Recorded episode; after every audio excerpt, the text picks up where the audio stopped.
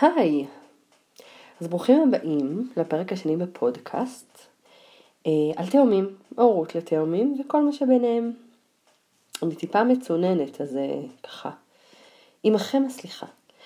אז למי שלא מכיר, אני חנה, גנות אדמנית, אני עובדת סוציאלית, אני מאמנת לשינוי ומדריכת הורים לתאומים.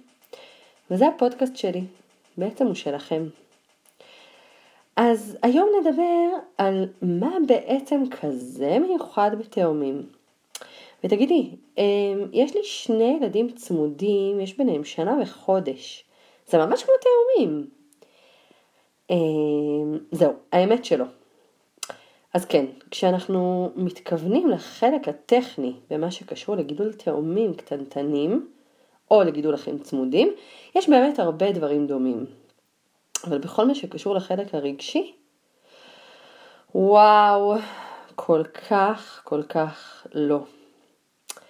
יש כל כך הרבה שונות במה שקשור לתאומים, שהראשון בהם הוא שיש לנו שני ילדים שחיו ביחד ברחם אחת, ומאז גם אם הם עצמאים, בנו כל אחד אישיות שונה, אפילו אפילו לא מסתדרים ביניהם. זהו, שהם פשוט תקועים ביחד. הם ביחד בתאומות הזו. לכל החיים. והאמת שזה יכול להיות גם ממש ממש מורכב ומאתגר וקשה. וזה יכול להיות גם המתנה הכי גדולה בחיים שלהם.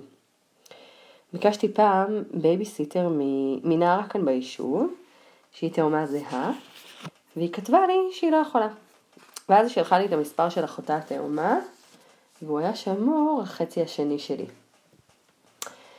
ומצד שני, פגשתי תאומים די גדולים, בני ככה 23, שמדברים על זה שהם לא כל כך קשורים, או שניהם לא בהכרח חווים את הנושא הזה של התאומות באותה מידה.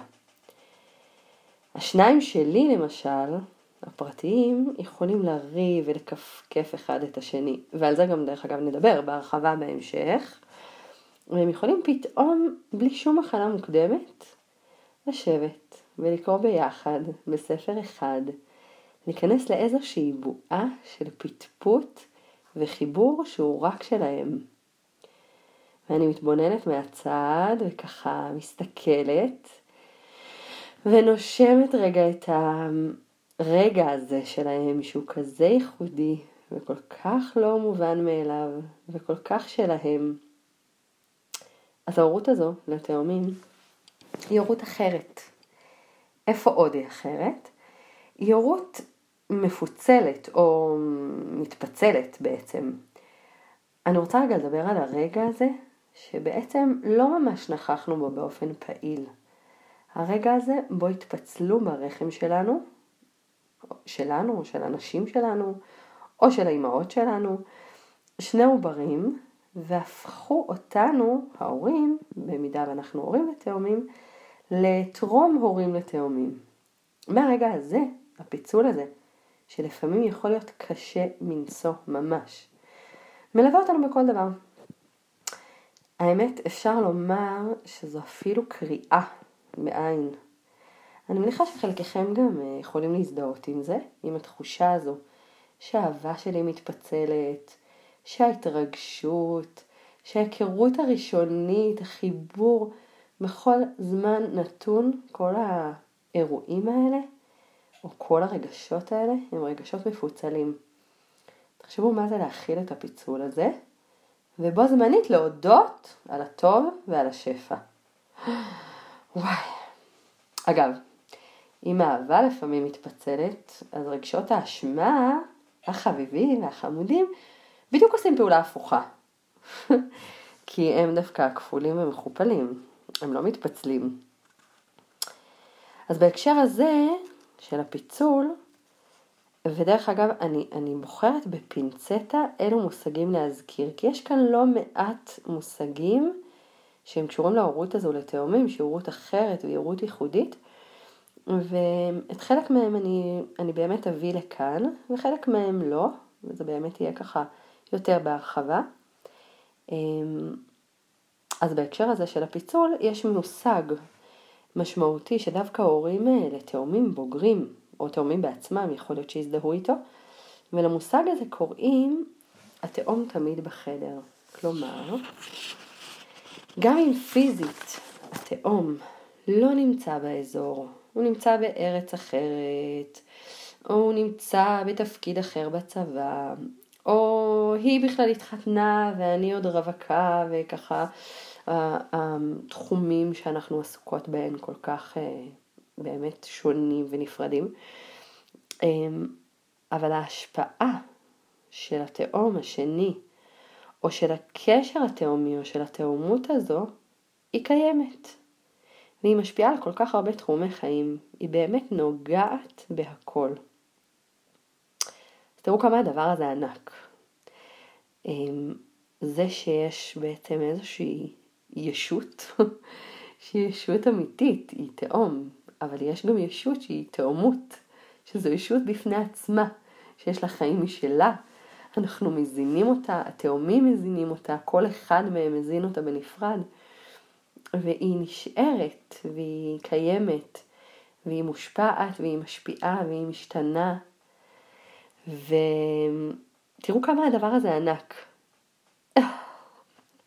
אני מניחה שאולי אתם יכולים להבין כמה אני ולמה אני כל כך משוגעת על הנושא הזה, כי זה פשוט מרתק אותי.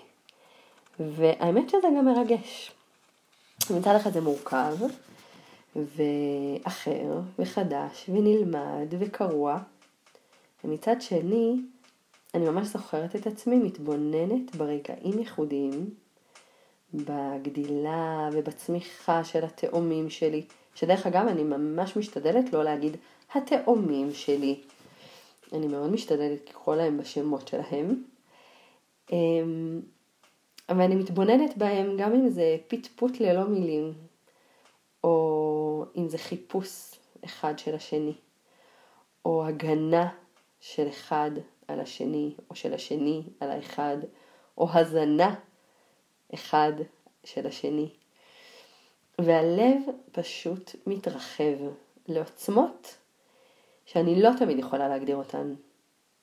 וזו המתנה הענקית בסיפור הזה. אז באמת אנחנו כאן כדי לדבר על המתנה הזו גם בטוב וגם בקשה.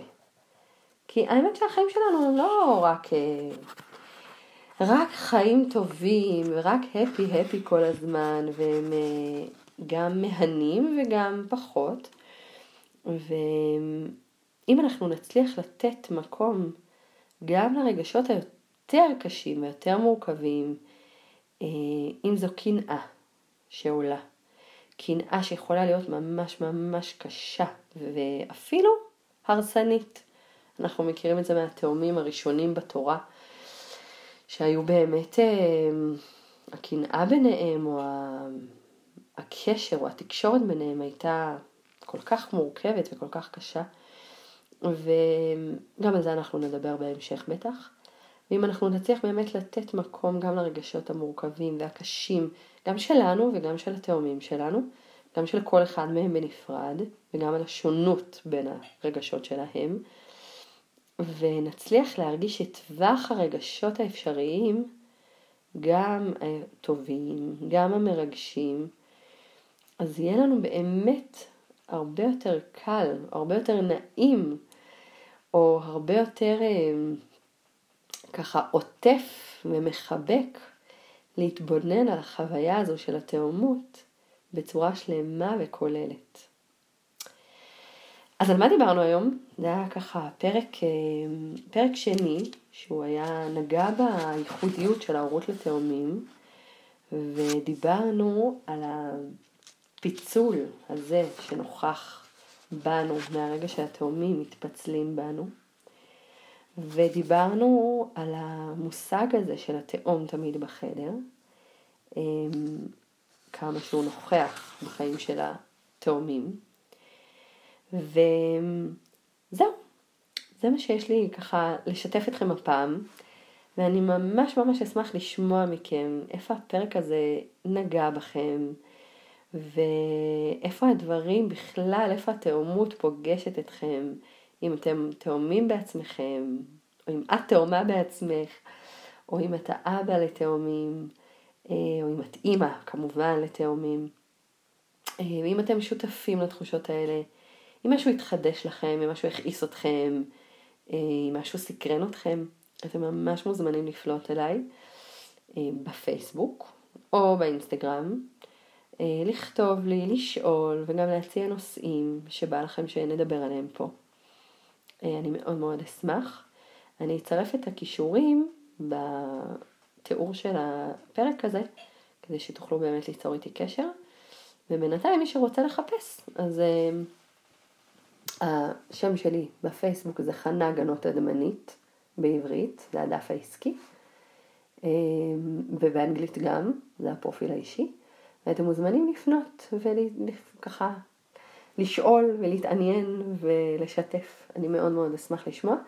בפרק הקודם כבר היו כמה שהגיבו לי uh, תגובות נורא נורא מרגשות על הנוכחות של הפרק הזה בחיים שלהם, גם אם הוא היה פרק קצר. אמ, אבל זהו, באמת, באמת זה שלכם ובשבילכם, ואני מאוד מאוד אשמח לשמוע. וזהו, וזה היה הפודקאסט, זה הפרק השני על תאומים ועל הורות לתאומים. ואני מאחלת לכם יום נהדר ושמח ובטוח ונעים. ביי ביי.